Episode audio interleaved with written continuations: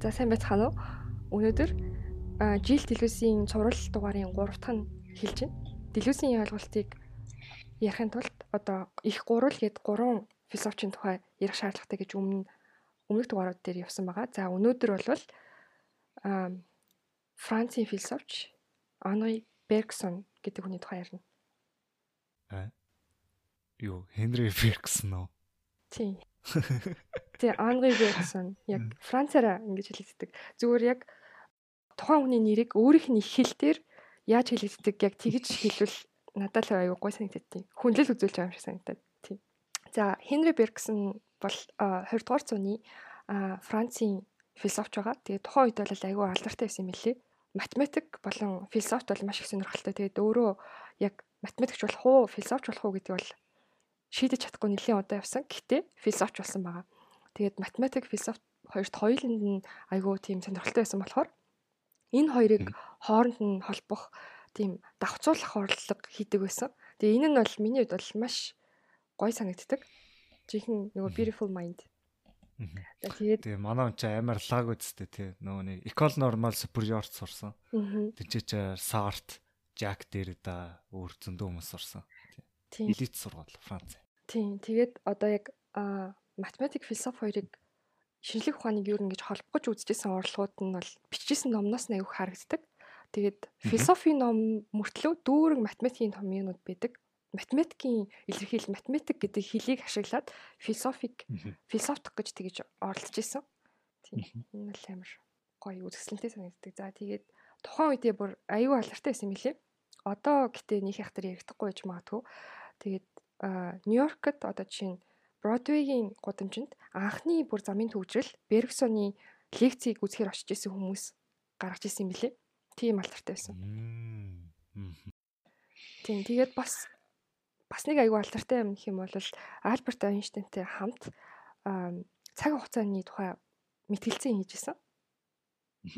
Тийм. Гэхдээ энд Айнштайн бол ялсан. Гэтэ цэвэр физикийн утгаар нь бол цаг хугацааг ярьсан. Харин Бергсон болохоор тийм онтологийн цаг хугацааны тухай ярьжсэн юм лээ. Тийм. Гэтэ Бергсон болохоор одоо энэ физикийн одоо энэ цаг хугацаа нь хүний сэтгэл зүйн цаг хугацааг бол тодорхойлж чадахгүй гэж үзчихсэн. Тийм. Тэгээд ер нь уг нь бол дебетнээс өмнө Бергсон бол амар алдартай байсан. Тэгээд дебетнийхаа дараа хүмүүс ер нь Бергсоныг баг ялагдчихлаа гэдэг ойлголт аваад тэгээд юу Эйнштейн хамаагүй алдартай болж ирсэн. Ер нь тэр цаг үеийн нас айгуу сонирхолтой тий. Тэр чинь бараг 20 дугаар зууны эхлэл 19 дугаар зууны төгсгөл шүү дээ тий. Тэгээ тэр үед яг хүмүүс яг цаг хугацааны тухай бодож эхэлж исэн тий. Ер нь тийм амар hot topic байсан. Одооны AI шиг ч юм уу. Тэгээд айгүй их цаг хугацааны шугамын өснөгтүүд гарч исэн. Янз бүрийн одоо ивентүүд, прогрессууд ямар ямар хэд хэдэн онд юу юу болсон ч гэдэм үү. Тэгээд дээр нь нэмэгдээд одоо олон ТV ТV-үүд хотуудын хоорондох цаг хугацааг тохируулах шаардлага бас зөндөө гардаг байсан тий. Тэгээд тэрнтэй холбогдлолтойгоор нөгөө нэг дэлхийн цаг хугацааны зоон л юу лээ? World time zone. Яагаад юу нь яг 19 20 дугаар зуунд цаг хугацаа тэгээд ийм одоо халуун сэдв болж исэн юм бэ гэхээр тухайн үед нөгөө галт тэрэг айгүй хөгжижсэн. Тэгээд олон хотууд айгүй хол газар хүмүүс зорчиж чаддаг болсон. Аа тэгээд одоо галт тэргүүд хоорондоо мөргөлдөхгүй тулд цагаа зохицуулах шаардлагатай болсон. Тэгээд одоо жишээ нь Лондон, Амстердам хоёр жишээ нь нэг цагийн зөрүүтэй. Нөгөө Гринвичийн цаг гэж үүдэг шүү дээ. Тэрийг бол анх тэр үед хийжсэн юм билээ. Одоо цагийн бүсүүд байгаа шүү дээ. Тийм. Тэрийг бол яг тэр үед зохиожсэн.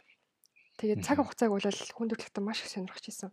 Бас нэг шалтгаан нөгөө эволюц ч бас айгүй алдартай болж эхэлж исэн тий. Эволюцид хамгийн чухал үүрэгтэй зүйл бол цаг. Тэгээд Дарвины одоо хүрээний хүмүүс жишээлбэл ингэж хэлж исэн байна л да. Цаганд хангалттай их хугацаа өгөх юм бол энэ юу ч хийж чадна. Энэ бүр уулсыг ч бий болгож болно. Бүр шаал өөр төрлийн шин биологийн амьтад хүртэл бий болгож болно гэдэг юм уу те. Тэгэхээр ер нь хараад хар цаг хугацаа бол бараг л бурхан шиг тийм орон зай ч юм уу яг тийм хүчтэй байр суурийг эзэлж байгаа гэдэг нь харагдаж байгаа тийм. Тэгэл тэр үед ч хүмүүс бас янз янз байсан юм шүү. Зарим хүмүүс одоо эволюцийг эсэргүүцдэг ч юм уу. Тэнгуут Берксон шиг хүмүүс бол цаг хугацаа амар хүндлээд тэр тэр цаг хугацааг яг тийм онтологийн хүч гэж хүлээж авч айгу дагаж баясдаг. Тийм. Тийм. Тэгээд яг энэ цаг хугацаа делюсийн өөрхөн санаатай яаж холбогдож байгаа юм гэхээр дараа нь difference гэдэг ойлголт дээр айгу гарч ирэх байгаа.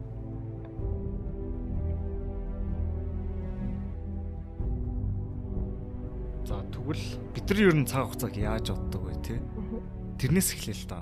Яг хо Берксоны цаг хугацаа бидний боддгоос болоо шал өөр. Аа чи жишээлбэл одоо цаг хугацааг ер нь юу гэж боддог вэ? Берксоныг уншаагүй байсан бол Айнштейн хаал бодох байсан баг. Аа шугуун цаг хугацааг тайлбарлаач. Йоо чи ингэж асууж би бодлоо хэлчихин. За шугуун цаг хугацаа юу? Цаг хугацааг тэгээд ер нь бол хэд хэдэн янзаар үзэж болно. За эхнийх нь гэх юм бол цаг хугацааг шугамн маягаар боддог байгаа. Ер нь хүн бол ихэнх хүн тэгж боддог баг тийм шугам хэлбэрээр. Шугамн одоо яг нэг чиглэлтэй тий. Өнгөрснөөс ирээдүйн цаг руу явж байгаа. Яг нэг чиглэлтэй гэж боддог. Тэгээд энийг бол яг шугамн харах үнцэг гэж хэлж байгаа. Тэгээд яг тийм өнгөрсөн цаг бол бүр нэг хойно үлдсэн юм шиг. Тэгээд өнгөрсөн цаг чаа одоо цаг өнгөрөхөөрөө л өнгөрсөн болоод байдэн шүү дээ тий. Тийм. Тэгээд дээр нь бас нөгөө нэг айгу шулуун шиг химждэг, шугам шиг яг хэмжүүрүүд бид нар амар их зааж өгдөг тий. За яг тэдэн он, тэдэн цаг, тэдэн минут, тэдэн дойл, секунд дойлоор ч юм уу тий. Тиймэрдүү шинжийг агуулдаг. Одоо цаг гэж юу юм бэ гэх юм бол яг тэр шулуун дээр байгаа цэгийг хэлж байгаа гэж бид нар төсөөлдөг тий. Тэгээ цав хугацаа бол эхлэлгүй, төсөөлгүй нэг тийм шулуун л. Тийм бүр ингэ хязгааргүй байхгүй тий. Хязгааргүй. Аа өнгөрсөн цаг шилгааргүй ирээдүйн цаг шилгааргүй харин яг одоо цаг л үргэлж ингэж явж өнгөрөөддөг. Аа харин тийм яг тийм. Тэгээд тэг энийг бол орон зайн цаг хугацааны үзэл гэж байгаа эсвэл шугамн харах онцог гэж байгаа. Тийм. За дараа нь бол цаг хугацааг контейнер гэж бас үздэг юм билэ. Тэгээд одоо Айнштейнээс өмнө одоо Ньютоныхоор бол цаг хугацаа бол амар абсолют тэгээд тийм бие даасан зүйлээсэн. Тийм тэгээд энэ ертөнцийн бүх зүйлийг алга болгоцсон ч гэсэн цаг хугацаа бие дагаад ганцаараа дангаараа оршино гэж тэгж боддог гэсэн юм лээ. Тэгээд дээрэс нь цаг хугацаа бол тийм тогтмол зүйл. Одоо жишээ нь а бидний бугуунд цохилж байгаа цаг хаан ч яг адилхан яг тийм хурдаар явдаг тэгж явж өнгөрдөг тийм тогтмол зүйл гэж үздэг гэсэн. Тийм тэгээд одоо яг энэ цаг хугацааг нэг тийм контейнер маягаар ойлгодог байсан. Тэр цаг хугацаанд дотор үйл явдлууд болж өнгөрдөг. Тийм. Цаг хугацаанд яг дотор болж өнгөрдөг гэдэг нь чухалхаа. Тийм контейнер шиг агуулгах шиг тий. Ер нь бодохоор бас нэг төрлийн жоохон трансцендент юм шиг тий. Тэгэд ер нь бол яг цаг хугацаанд яг абсолют тогтмол яг ижилхэн урсаж өнгөрнө гэж үздэг байсан.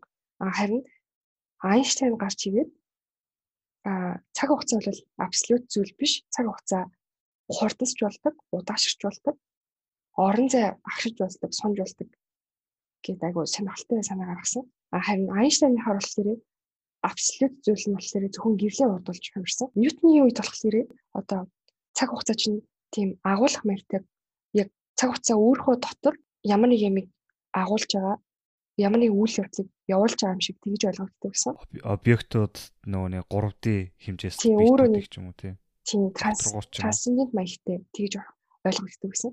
Айнштайны үед болохоор цаг хугацаанд өөрөө объекттэйгээ хамттай байдаг гэсэн тийм ойлголт ирсэн.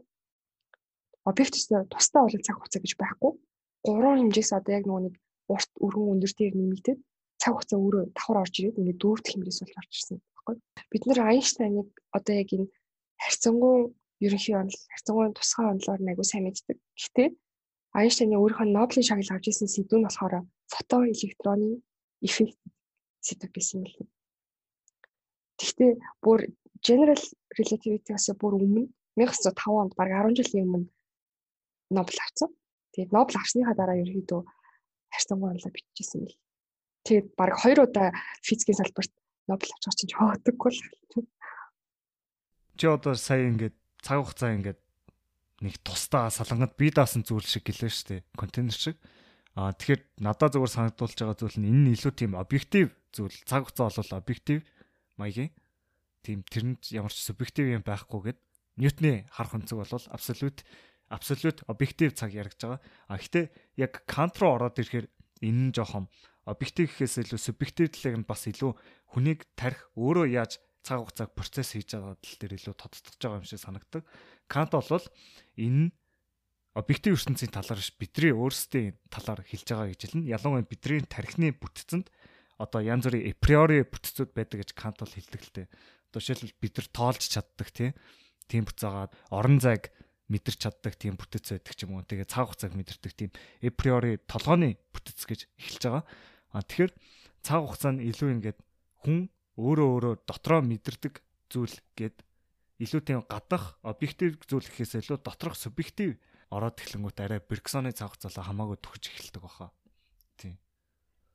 Харин Айнштейны яриад байгаа цаг хугацаа ч юм болохоор одоо хэрвээ объект уршихгүй бол цаг хугацаа гэж байхгүй байхгүй объекттэй зандаа хамт уршдаг тийм зүйл байна. Тэгээд төстөө санааг бас юу феноменолог бас хэлдэг юм шиг санагдаг. Одоо цаг хугацаа илүү контейнер гэхээс илүү феноменологч юм бол хүний яг бүх мэдрэхүү орж ирж байгаа толгоонд орж ирж байгаа бүх зүйлийг одоо задлж шинжилгэхийг хүсдэг тий.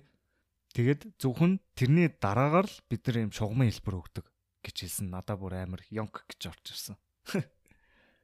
Бид нар дотроо процесс хийснийхаа дараа тэрийгэ эргэж харж өөрсдөө ойлгуулахын тулд шугамын хэлбэр өгдөг. Аа тэр нь өнгөрсөнд тэр нь одоо тэр нь ирээдүйд болох ч байгаа зүйл юм байна. Бид нар химжээс өгдөг нь дараа нь болж байгаа. Тэгээ тэр нь зөвхөр аа яг хүний дотоод сэтгэл зүйн цаг хугацааг ерөөсөө мэдэрдэггүй тэр дундаа өнгөрсөн одоо хоёр холдох ч юм уу эсвэл хүн ингээд эмоц мэдрэн штэ тий. Тэгэхэд болвол тийм тоогоор химждэг ойлголт бол а за чи аз жаргалыг илүү их хэмжээгээр мэдэрч байна гэж хэлэх бах тий. А гэхдээ тэрийг бол илүү quantitative гэж байгаа. А гэхдээ qualitative өөрчлөлтүүд байдаг. Qualitative өөрчлөлтүүд бол тэр аз жаргал илүү баялаг болж дэлгэрч гин гэж хэлнэ гэхээс энэ аз жаргал гэдэг хэмжүүр ихсэж гин гэж бол хэлэхгүй. Тийм. Тоон хэмжээс нь ихсэж гин гэж хэлэхгүй. Ер нь шугамн харах өнцөгч дандаа нэг тоон хэмжээс яриад байгаа шүү дээ, тийм. Тийм. Гэхдээ энэ бол яг сэтгэл зүүн сэтгэл зүүн гэхээсээ илүү шинж чанар яригдж байгаа quality. Тийм. Тэгээд хамгийн гол нь за бодоод үзэл за шугам нь харах өнцөгт шугам байгаа шүү дээ тий. Тэгээд тэдрийг бид нар ингээд а компонентууд болж хуваадаг тийм үү хэсгүүд болж хуваадаг. Тэгэд нэгжүүдээр ярьдаг тий. За секунд, минут, цаг юу гэдэг. Гэхдээ зүгээр л орон зай маркшууд зүгээр тэмдэглэгээнүүд гэсэн үг. Яг тэр нь absolute essence нь бол биш гэж ойлгох хэрэгтэй. Би би бол тэгж ойлгох хэрэгтэй байна гэж бодсон. А тэгээд чи бодоод үзэхээр тэр чинь үргэлжлэл байгаа шүү дээ тий. Тэр чинь цаг хугацааны хамгийн үндсэн гой ойлголт нь гэх юм уу? Үргэлжлэлийн тухай юу ч хэлж чадахгүй байгааз зүгээр л шулуун байгаа. Чи тэрэн дээр хоёр моментийг, хоёр зэрэгцээ моментийг авч үзэж болно. Тэгээд тэр хоёр чинь абсолют ялгаатай тий. Тэр хоёр цэг бол абсолют тусдаа яг амар ялгаатай. Ямар ч холбоо байхгүй юм шиг яригдчихэж байгаа. А гэхдээ Берксоны хэлж байгаагаар болохоор succession without absolute distinction гэдэг нь яг цаг саяны хэлсний эсрэг тэр нь юу гэсэн үг вэ гэхээр тэр залхамжлал нь хоёр моментын залхамжлал нь тийм абсолют ялгааг гаргаж өгдөггүй. Тэгэхээр яг тэр холбоос нь юу юм бэ гэдэгт илүү төвлөрч байгаа. Одоо яг одоо энэ мүч яг хаана дуусч байгаа? Дараагийн мүч нь яг хизээ эхэлж гин гэдгийг бол хэлэх боломжгүй байгаа. Аа. Яг тийм. Тийм ингээд цаг хугацаа чинь нэг тийм юу урсгал байгаа байхгүй тий. Аа. Тийм. Тийм хувааж таслах боломжгүй. Тийм. Тэгэхэд бол шугамн цаг хугацааны юм чинь хоёр моментиг шууд хоёр тустай ямар ч холбоогүй зүйл гэж баг ойлгоод байгаа байхгүй. Тийм. Тэгэхэд яг тэр холбоос нь яг юу юм бэ гэдэг хамгийн сонирхолтой асуулт. Энийг л цаг хугацаа гэж хэлж байгаа. Тийм. За жишээ нь нэг хамгийн тод жишээ нь хөгжим заяа. Бид нэр хөгжим сонсохдоо хизээч нот нотоор нь салгаж сонсдгоо байхгүй тий. За тэр моментэд тэр нот байна. Дараагийн момент тэр нот, дараагийн момент тэр нот гэд тэр бол дараа нь л гарч байгаа тэмдэглэгээнүүд гэсэн үг. Яг үндэ бид нар хөгжим сонсоод мэдрэхтэй бүхэл бүтэн болгож тийм баялаг зүйлийг мэдэрдэг шүү дээ. Жишээлбэл одоо бит ингээ 5 удаа явахад бид нар заавал 1 2 3 4 5 гэж дотроо тоолдоггүй шиг тэрийг яг яг аа за ингээд нэг бит нь ингээ дараа дараагаараа явж гинэ гэсэн ерөнхий мэдрэмж авч байгаа нь заавал тоон хэмжээтэй байх албагүй. Тийм. Quantitative биш, qualitative тоо байж болно. Тийм. Тэгэхээр заавал ингээд нэгжүүдээс бүрдүүлэх албагүй. Одоо тэгээд тэгээд нөгөө нэг шугамн цаг хугацааны хэлбэрээ эвдээд ирэхээр өнгөрсөн одоо ирээдүйд яг ямар холбоотой юм бэ? Тэр холбоос нь юу юм бэ гэж орж ирдэг тийм. Тийм. Тэгэнгүүт бид нар одоо одоо нь өнгөрөөд өнгөрсөн болж байна гэж боддог. А гэтээ Берксон цаг хугацааг тийм зузаантай гэж үзэж байгаа. Тэр зузаан нь яг одоо нь өнгөрсөнтэйгөө байнга цуг явдаг. Яг зэрэг ярихдахгүй бол би яг одоо одоо цагийг яг абсолют ялгаатай зүйл гэж ярих ярих боломжгүй. Тэгвэл өнгөрсөн гэж юу гэсэн үг юм бэ гэхээр ойлгомжгүй болчих штеп. Тэгэхээр заавал өнгөрсөнтэйгөө ингэж яг нэгэн зэрэг явж байгааг тодтогох шаардлагатай. Тэгэхээр одоо нь өнгөрсөн болж байгаа юм шиг өнгөрсөн нь одоо руу урсаж орж ирж байгаа юм шиг ойлгох хэрэгтэй. Тэгээд иймэрдүү санааг бас хүсрэл бас хэлжсэн юм шиг үлээ. Өнгөрс одоо цаг нь заавал өнгөрсөнтэйг агуулж явах хэрэгтэй гэд. Тэгвэл одоо цаг чинь яг дангаараа ганцаархтай байл алгуулчихна гэд. Тэгэхээр тийм болохоор бас зузаантай гэдгийг хөсрөл бас хайдагэр бас хэрж өгдөг байсан юм шиг. Сартрач цаг хугацааны тухай ярьдаг гэж сонссон. Аа тэгээд тэгээд идрол ихтэй бас л сэтгэл зүйн цаг хугацаа ярьж байгаа. Тийм. Тэгээд Сафра Мартра ярьж байгаа нөгөөний existentialism чинь бас humanistic философи шүү дээ. Тэгээ хүн дээр суурилсан. Тэгэхээр бас хүнээс цааших онтологийн бүтэц гэдэг дээр нь илүү зайгүй их дэмжиж өгдөг.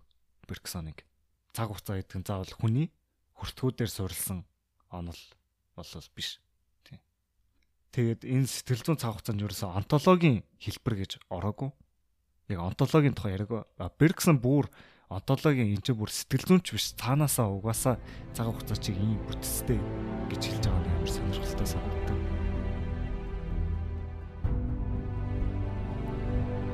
Цаг хугацааны шугам харах өнцгөр бол одоо цаг нь өнгөрсөн цагийг үүсгэж байгаа. Харин Бергсон болохоор яг эсрэг шийдэлт нь ирдэг. Өнгөрсөн цаг нь одоо цагийг үүсгдэг гэсэн тийм логикоор яг нөгөө тийш нь харуулж ирдэг байгаа. Энэ яг юу гэсэн үг юм бэ гэхээр За жишээ авах юм бол хэрвээ миний өнгөрсөн үе байхгүй гэх юм бол өнөөдрийн би бол байхгүй гэсэн үг байхгүй. Миний өнгөрсөн үегүүгээр тийм би өөрөө өнөөдрийн би бол байх ямарч боломжгүй гэсэн үг байхгүй. Тэгэхээр чин тийм одоо өнөөдрийг хүртэл амьдарч ирсэн миний бүх тусламж бүх туулж ирсэн юмнуудыг байхгүй болгочих юм бол би өөрөө бараг байхгүй те ялгаагүй байхгүй. Миний өнгөрсөн үе одоогийн намайг бий болгож байгаа гэсэн. Тэгвэл бараг нэг ухамсаргүй маягийн юм биш үү те. Нэг тийм хүний ихэнх үйлдэл мүлдэл чинь нэг тийм өнгөрсөнд бий болоод тогтцсон байгаа нэг тийм ухамсаргүй үйлдэлээс гардаг шиг юм биш үү бараг. Тийм тийм болохоор яг энэ өнгөрсөн цаг онцлогийн цаг хугацаанд одоо цагийгаа үүсгэж байгаа гэсэн үг байхгүй. Тийм тэгээд Бергсон чинь ерөөхдөө тийм хоёр янзын санах хойны тухай бас ярьдаг тийм. Сэтгэл зүйн санах хой тэгээд онтологийн санах хой гэж ярьдаг. Тэгээ энэ Энэ хоёр дээр хоёулын дээр нь ерөнхийдөө одоо цаг өнгөрсөн цаг хоёрыг л айгүйх ярьдаг. Тэгээд энэ хоёрын ялгаа нэг юу юм гэхээр сэтгэл зүйн санах хой дээр болохоор одоо одоо цагт өнгөрсөн цаг нь зөвхөн одоо өнгөрснөө эргэж санах, эргэж дуудах үед гарч ирдэг. А харин онтологийн санах хойд болохоор а ерөөсөө тэр чигтээ өнгөрсөн цагийн тухай л гэсэн үг. Өнгөрсөн цаг юу н өөрөө явждаг. Сэтгэл зүйн санах хой нь болохоор онтологийн санах ойгоосоо зүгээр нэг хэсгийг тасалж авч ийн гэсэн үг байхгүй юу? Тасалж аваад эргэж санаж ийн гэсэн үг. Тэрнээс бол нэг амар том ялгаа байхгүй. Уг нь бол онтологийн цаг хугацаа чинь нэг бүхэл бүтэн том зүйл. Харин бид нар ингээд өнгөрсөн үеэ бодох үедээ олон тийм дурсамжууд байгаа юм шиг тийж бодоод байгаа байхгүй. Олон өнгөрсөн цаг биднэрт байгаа юм шиг бодогддог. Гэтэ яг үндэ ганц л тийм онтологийн санах хой байдаг гэсэн. Тэгээ одоо жишээ би 5 настай үеийнхээ төсөө өдрийг эргүүлж санахад би яг тэр олон тусламжуудынхаа нэгийг сугуулж авч ирнэ гэсэн үг байхгүй? Тийм. Гэхдээ яг миний өнгөрсөн анал миний онцлогийн санахаа бол бүхэл бүтнийг том цогц зүйл байгаа. Гэхдээ хүн өөрөө энэ цаг хугацаагаа яаж мэдэрч чинь, яаж ойлгож чинь, яаж эргэж санаж яах гэдэг нь яг нэг хэсэгчлээд авсан юм шиг тэгж татаж гаргаж ирж тийм байгаа байхгүй. Тэр нь гэрэл ялгаатай зүйл. Тэгэхээр онтологийнх нь бүр хүний санах хойг нас хамаагүй том зүйл гэсэн үг. Тэрийг агуулсан зүйл юм шиг байна тий. Аа тий энэ дэр чи actual virtual гэд ойлголт байгаа шүү дээ. Аа тэрийг чи тайлбарлаж өгч. Түрүүн чиний хэлснээр одоо өнгөрсөн цаг тэгээд одоо цаг хоёр бол цогтой орчдөг яг зэрэг явж идэг тий. Тэгээд одоо хэрвээ ингэхгүй бол тэр одоо цаг өнгөрсөн цаг хоёрын холбоос нь байхгүй болчихно. Тийм. Тэгээд гэтээ харин одоо цаг өнгөрсөн цаг хоёр тэгвэл ямар ялгаатай юм тий? Ингэж ярих юм бол одоо цаг нь бол яг тийм actual маягаар оршдог. Бид нар бол шууд мэдрэх боломжтой одоо цагийг. Харин өнгөрсөн цаг бол virtual маягаар оршдог гэж үзэж байгаа. Тий. Одоо цагийг чинь яг actual гэдэг нь бас нөгөө нэг биднэрт феноменологийн хүртэх боломж байгаа гэж. Тийм тэгж бас ойлгол төстэй төстэй ойлголт. Тийм яг жижигэмжлэг. За одоо тэгэхээр actual virtual гэж ярьж байгаа энийг дахиад тодруулж яриа тий. Virtual-ыг одоо тийм нэг л зүйл гэж яриад шүү дээ тий. Өнгөрсөн цаг бол нэг л цаг. Харин одоо яг сэтгэл зүйн санах байгаагаар одоо жишээ нь өнгөрсөн тулсан нэг турсамжаа эргүүлж одоо цагт санах үед одоо бид нар тэрийг яг нэг тустай зүйл юм шиг бодоод байгаа хгүй. Тэрнээс бол уг нь бол өнгөрсөн цаг virtual нэг л бүтэн зүйл. Аа. Тийм. За делюц бас нэг анхааруулга хэлдэг. Тэр нь ерөөхдөө одоо энэ actual virtual хоёр чинь одоо яг боломжит байдал болон одоо бодит байдал хоёроос өөр шүү гэж сануулдаг байгаа. За actual бол яг тийм бодит зүйл гэж бид нарт ойлгогдож байгаа. Яг одоо шууд мэдрэх боломжтой тий. Одоо цаг. Virtual нь болохоор бид нар virtual-ыг боломжит гэж ойлгож магадгүй. Яг тэгэл virtual нь actual болж байгаа гэж байгаа шүү дээ тий. Тийм. Тэгэхээр боломжит зүйл нь бодит болж байгаа гэж ойлгодог. Гэхдээ дэлүүз тэрийг үгүй тэгж ойлгож болохгүй гэж байгаа. Бид нар шүү дээ. За ирээдүгөө төсөөлье л та тий. Virtual-аас actual бий болдог гэж шүү дээ. Virtual-аас actual бий болдог гэдэг нь нэг тийм virtual гэдэг зүйлээс нэг тийм virtual гэдэг чинь угаасаа хийсвэр гэсэн ойлголт шүү дээ. Хийсвэр гэдэг зүйлээс бодит болж яана гэж ойлгодог. Боломжит гэдэг зүйлээс бодит болж яана гэд. А гэхдээ тэр бодит болж байгаа нь боломжит зүйл бодит болж байгаас ялгаатай. А тэрийг яаж тайлбарлах вэ гэхээр За одоо жишээлбэл юу гэдэг аа за нэг шоо шитэд за 5 бууна гэж төсөөлье л доо тий. Тэгвэл тэр боломжит хувилбар нь яг оршин тогтнохоор бодит болдог тийм үү? Тэр боломжит хувилбар дээр экзистенцийг нэмээд өгөх юм бол бодит болно. А тэгэхээр ерөнхийдөө тэр чин зүгээр экзистенцэнд дутагдж байгаа оршоогүй тийм боломжит зүйлийг хэлж байгаа. А гэхдээ virtual бол тийм боломжит зүйл биш. Дэлгэц бол virtual-ыг бүр бодиттой гэж хэлж байгаа. Аль хэдийн бодиттой байгаа зүйл. Аа тийм болохоор бас virtual нь actual болохдоо яг ингэж толон тусгал шиг би болдгоо гэж хэлж байгаа. Толон тусгал шиг би болдгоо гэдэг нь одоо virtual дээр оршихууг нь нэмээ аяад одоо actual болж би гарахгүй л гэж байгаа. Боломжит. Бодит хоёрыг дахиад нэг жишээгээр тайлбарлах юм бол одоо өнөөдөр бид хоёр энэ подкастыг яаж дуусгах боломж. А өнөөдөр бит хоёр энэ подкастыг ярьж дуусгах хоёр бол ерөөдөө яг ижилхэн толин тусгалтай толин тусгалтай адилхан. Тийм. Тэгэхээр яг бодиттой зүйл бол. Тийм бодиттой биш зүгээр тийм боломж байгаа. Бодиттой яг болох гээд байгаа. Болох гээд байгаа. Энэ бол зүгээр нөгөө яг толин тусгална байхгүй тий. Жохон хийсвэр. Аа харин өнөөдөр бит хоёр яг энэ подкастыг ярьж дуусгах нь өөрөө яг бодиттой зүйл. Одоо ингэж ярьж дуусгаж байгаа нь Аа за. Тийм. Одоо толин тусгал гэхээр чи одоо нэг объект өөрөө толинд тусаж байгаа шүү дээ тий. Объект ч юм бол өөрөө яг оршиж байгаа existence-тэй зүйл шүү дээ. Толинд тусаж байгаа зүйл нь бол existence-д байхгүй гэхдээ а объекттэйгээ яг identical яг адилхан зүйл шүү дээ тий. Ийм логикоор. Яг адилхан зүйл гэхдээ нэг нь оршихуйтай. Гэтэ одоо virtual-ыг тэгвэл ойлгохын тулд actual яг одоо цагт яг бий болж байгаа байл зүйл гэж ойлгоё. Тэгээд virtual-аас actual гаргаж ирж байгаа тий. Virtual actualizes itself гэдэг чинь virtual өөр өөрийгөө actual болгодог. Аа virtual нь яаж actual болж байгааг ойлгохын тулд генетикийн мэдээлэл хүн дээр яаж дэлгэгдэж гарч ирдгийг тайлбарлах юм бол амар ойлгомжтой байх баха. Генетикийн мэдээлэл гэдэг нь одоо яг virtual гэсэн үг. За тэгээд яаж тэгвэл генетикийн мэдээлэл өөрийгөө энэ virtual зүйл нь өөрийгөө actualize хийх юм бэ гэхээр хүнээр дамжиж дэлгэгдэж гарч ирдэг. Одоо генетикийн мэдээлэл бол яг тийм бодтой гарт баригдахаар нүдэн харагдахаар тийм зүйл бол биш. Микроскопоор ингээд томруулаад харъя гэхээр харагдахгүй. Харагдахгүй тийм юм байхгүй. Actual actual ертөнцид байхгүй. Тийм. Тэгэхээр actualize болж гарч ирэхтэй тэр нь одоо янз бүрийн шинж чанар юм уу тий хүний одоо үсний өнгө мөнгө юу гэдэг нүдний өнгө мөнгө яг тийм бодтой болж гарч ирж байгаа. Гэхдээ тэр нь виртуалта байна гэсэн үг ш. Виртуалд байгаа зүйл нь генетикийн мэдээлэл гэх юм уу? Тийм. Одоо цаг болон өнгөрсөн цаг амар холдсон гэдэг нь өнгөрсөн цаг нь байнга одоогоо ингэж би олгож би олгож actualize хийж явж байгаа. Virtual нь өөр өөрөөгөө actualize хийгээд дэлгэгдээд ингээ генетикийн мэдээлэл ингээ яаж шин чанар болж бидний нүдэнд яаж өнгө дүрс болж харагдж байгаа юм шиг тэрийг тайлбарладаг. Тэгээд энэ яг тийм байнгын бүтэц өнгөрсөн тэр чигтээ нэг л virtual гэдэг зүйлэнд ингээ байнга дэлгэгдээ явж байгаа гэд энэ бацаад ойлгочиход болох юм шиг байна. За тэгээд virtual нь өөрийгөө actualize хийдэг гэж байгаа шүү дээ тий. Генетикийн мэдээлэл дэлгэж байгаа юм шиг. А тэгээд өмнөх дугаар дээр Spinoza ярьсан тийм үү? Substance, attribute тэгээд mod гэж ярьсан. Эдгээр нь бүгд нэг тийм тухайн тохиолдол илэрхийлэл болж гарч ирдэг гэсэн тийм. Жишээлбэл оригамитэй жишээг санаж байгаа байх. А тэгээд бид нар ингээд нэг substance гэхээр өөрсдөө ойлгоход амар хэцүү болчихдээ шүү дээ тийм. Тэгээд чи бит хоёр нэг substance гэсэн үг шүү дээ. Ер нь тэгэхээр яаж ингэж нэг тийм тусдаа илэрхийлэл болж байгаад байгаа ч гэдэм үү. Ер нь ингээд хороо ертөнцид юм яаж өөр өөрсдийгөө сабстанц нь өөрийгөө илэрхийлж байна, атрибут нь өөрийгөө илэрхийлж байна гэдэг нь ерөөсөө нэг л харалт, цаг хугацаа гэж байгаа. Тэгээ тэр нь virtual нь өөрийгөө actual болгож байгаа. Тэр Spinoza-гийн яриад байгаа илэрхийлэл, мод гэдэг ойлголт нь гэсэн үг. Тийм.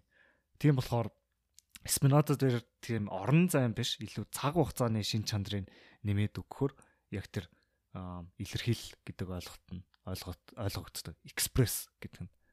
Тийм. Тэгээд энэ цаг хугацааг immanent гэдгийг санах хэрэгтэй. Яа э, дэлүүз ягаад virtual actual хоёр нь хоёулаа бодтой вэ гэж хэлж байгаа нь бас яг хоёулаа нэг төвшөнд байгаа immanent маягийн цаг хугацааны ойлголт гэж ойлгох хэрэгтэй. Ньютоных шиг одоо цаг хугацаанд окторгууга трансценд хийж байгаа нэг тийм тусдаа контейнер биш. Яг нэр төрлийн immanent цаг хугацаа яригдж байгаа гэдг нь энд гарч ирж байгаа.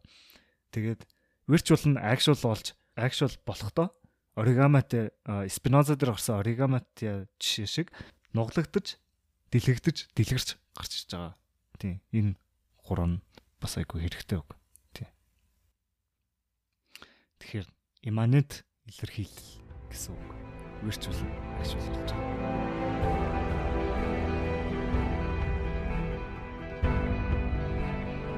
Тийм. Тэгээд Bergsonic юу гэж хүлээж авсан талаар бас жоохон товч ярэ гэж бодлоо. Аа ер нь л Бергсон хүмүүс нэг тийм дуртай биш байсан. Яг тэгэл тэр үе чинь амар тийм шинжлэх ухааны 900 байсан. Бүх зүйл нь шинжлэх ухаан, математик, физик яг тийм цэвэр логик тийм суур зүйлэн дээр суурлах хэрэгтэй гэд. А тэгэнгუთ хөрхи Бергсоник ч амар тийм илүү зүн совингийн юм яриад байна гэж шүмжилдэг, илүү сэтгэл зүйн юм яриад байна гэд. Аа тэгээд нэг тийм ямар шинжлэх ухаанд суйрлаагүй, математик юм байхгүй. Тэгээд тэр үеийн одоо positivist хүмүүс бол тийм илүү шинжлэх ухаанд суйрлсан юмыг хүсдэг байсан болохоор Bergson-д дургүй байсан билээ. А гэтээ тэрийг нь би бас жоохон дутмаг гэж боддог. Яагаад гэвэл Bergson илүү зүн совин гэхээс илүү дотгошоо анализ хийсэн юм шиг санагдаг. Одоо Эйнштейн жишээлбэл харьцангуй онол ярихдаа илүү гадаад цаг хугацааг ярьсан. Яг нь субъектив байдлаар ярьсан ч гэсэн яг Берксон шиг бүр яг тэр дотоод дотоод цаг хугацааны яаж өнгөрч байгаа бүтц ч юм уу тэрийг ерөөсөө нэг бодоогүй байх. Тэгэхээр яг бидний дотоод илэрхийлэл нь юу юм бэ гэдэг дээр илүү төвлөрсөн байх. Тийм яг үнэ. Тийм би ч гэсэн нийтлэл чинь Айнштейн нэг хүний гадна байгаа цаг хугацааг ярьсан баг. Бергсон бол яг дотоод цаг хугацаа, онцлогийн цаг хугацааг ярьсан баг. А тэгээ дээрэс нь одоо Бергсоныг шүмжилсэн хүмүүсийн нэг нь бол Бертранд Рассел гэдэг хүн байгаа тий. Яг ингэж хэлсэн. Тэгээд тэр хүн бол өөрөө яг аналитик философч хүн. Тийм учраас угаасаа ингэж хэлхээс өөр аргагүй. Аналитик философчд бол ерөнхийдөө дандаа тийм хатуу философи хийдэг дандаа баталгаа шаарддаг логик, шинжлэх ухаан хилэн дээр суурилж боддог хүмүүс болохоор одоо Бергсоны цаг хугацааг бол нэг сайн ойлгоогүй. Тэгээд жоохон тийм зүүн совинд тулгуурласан сэтгэл хөдлөлттэй гэж бодож исэн л доо. Тэгээд ер нь бол лекцүүдийг дандаа эмгтэй хүмүүс очиж үздэг, сонирхдаг гэнтэр гэж хүртэл хэлж исэн юм бэл. Тийм тэр арай дэндүүлсэн. Яг хөө зөвөр нэг тиймэр дутал нь илүү эмгтээлэг тал феминин шинж чанар болохоор тэгж хэлсэн гэд. Маскулин чанар ч илүү логик мог шиг. Тийм. Гэтэ угаасаа аналитик философч тэгж хэлхээс ч үр аргагүй л тэгээд континентал философик ч угаасаа романтик. Гэтэл бас Аа Бергсон ч бас ууг нь амар яг тэр аргумент нь ууг нь амар бүтцтэй. Амар сайн шавхаж чадсан ууг нь аргумент байхгүй? Ууг нь бол Уг нь бол яг аль нь амар гой хослуулсан тий. Тийм. Уг нь бол хөөрхий шинжлэх ухаан философи хоёрыг нэгтгэхийг айгу хүссэн. Тийм. Даанч тэгээд цэвэр физикийн талаас Эйнштейн ярьсан юм даа. Цагийг ярьсаар байгаа. Тэгээд хилцүүлэлтээ ялцсан. Бас нэг шалтгаан нөх алдартай болоогүй шалтгаан нөө өөрийн гэсэн сургууль мургуулыг нэх байгуулаагүй нэх архив бас байдгүй юм билэ. Тийм бас нэг шалтгаан тэр үедээ нэг зогцоогүй гэдэг юм лээ. Өөрийг нь айгуу тийм оптимистик өөдрөг философч байсан гэдэг. Тэгээ тэр үчин жоохон дайны цаг үе тэгээд existentialism хамаагүй тохирохоор цаг үе байсан. Тийм тэгж бас хэлт юм билээ. Тэгээд гэхдээ ер нь яг философчдыг хараад тахч ер нь Берксоныг Берксонд хариу өгдөг лөө ихэнх философчдад ялангуяа одоо Хайдеггер, Майдеггер ч юм уу тий. Тэгээд Делюз одоо бас цаг хугацааных нь онлыг ярьж байна. Тэгээд бас Берксоны цаг хугацааны онлын ойлголтуудыг зөндөө хүмүүсээс хэрэгэлсэн байт юм билэ. Даанч бас тэрийг нэг хүлээн зөвшөөрдөггүй Берксоных гэж. Тэгээд ууг нь бас уран зохиолт амар том нөлөөтэй байсан. Одоо Америк янз бүрийн зохиолууд тэгээд одоо Пруст жишээлбэл амар их ой санамж цаг хугацааны талаар их ярьдаг гэж сонсч ирсэн. Тий. Тэгэхээр бас ер нь уран зохиолд өөрөө ч гэсэн бас дуртай байсан юм билэ. Айгүй их хүндэлдэг. Тий. Аа юу шинжлэх ухааны хүмүүсийг бодвол яг хүний шууд мэдрэмж, шууд экспириенстэй харьцаж байгаа гэдэг талаас нь илүү хүндэлдэг ч гэдэг юм уу. Тэгээд гэхдээ тэглээгээд Берксоныг яг шинжлэх ухааны эсрэг гэж ойлгох хэрэггүй. Аа гэхдээ яг илүү сэтгэл зүйн талыг нь барьсан юм шиг санагддаг. Тийм. Тэгээд бас тэрийг нь бас зарим хүмүүс бас амар хамгаалдаг, Берксоны өмөрдөг. Тэр дундаа одоо Вильям Джеймс гэдэг бас философч сэтгэл судлаач бас нэлээд том өмөрсөн байдаг. За төгсгөл нь ерөнхийдөө базж хэлэхэд бол энэ дугаараас авч үлдэх хамгийн гол санаа нь миний бодлоор өнгөрсөн цаг одоо цаг хоёр хамтдаа явж идэг гэсэн тэр санаа баха. Өнгөрсөн одоо гэхээр virtual actual гэж бас ойлгож болно. Тэгээд холбоос нь юу юм бэ гэхээр хоёулаа бодтой яг зэрэгцээ явж байгаа. Тэгээд virtual-аасаа actual болж нугларч гарч ирдэг гэдэг л тий. Тийм тэгээд а цаг хугацааг бол тасалж авах боломжгүй учраас яг одоо цаг өнгөрсөн цаг хоёрын холбоос нь яг тэндээ оршиж байгаа. Аа. Энэ дугаар дээр ойлгомжгүй юмнууд нэлийн гарсан байж магадгүй. Тэгээд хэрвээ ойлгомжгүй санагдсан бол дахиад ухрааж агаад сонсорой. Тэгээд цаг хугацааны талаар бодох ч угаасаа амар гоё сонирхолтой сэдв. Тэг яг үнэхээр Берксон үнэн хэлж үгүй юу? Ер нь тэгээ цаг хугацааны талаар ялангуяа Берксоны цаг хугацааны талаар дотроо тунгааж үзээрэй. Тэгээд дараагийн дугаараар ничээтэй уулзцаая.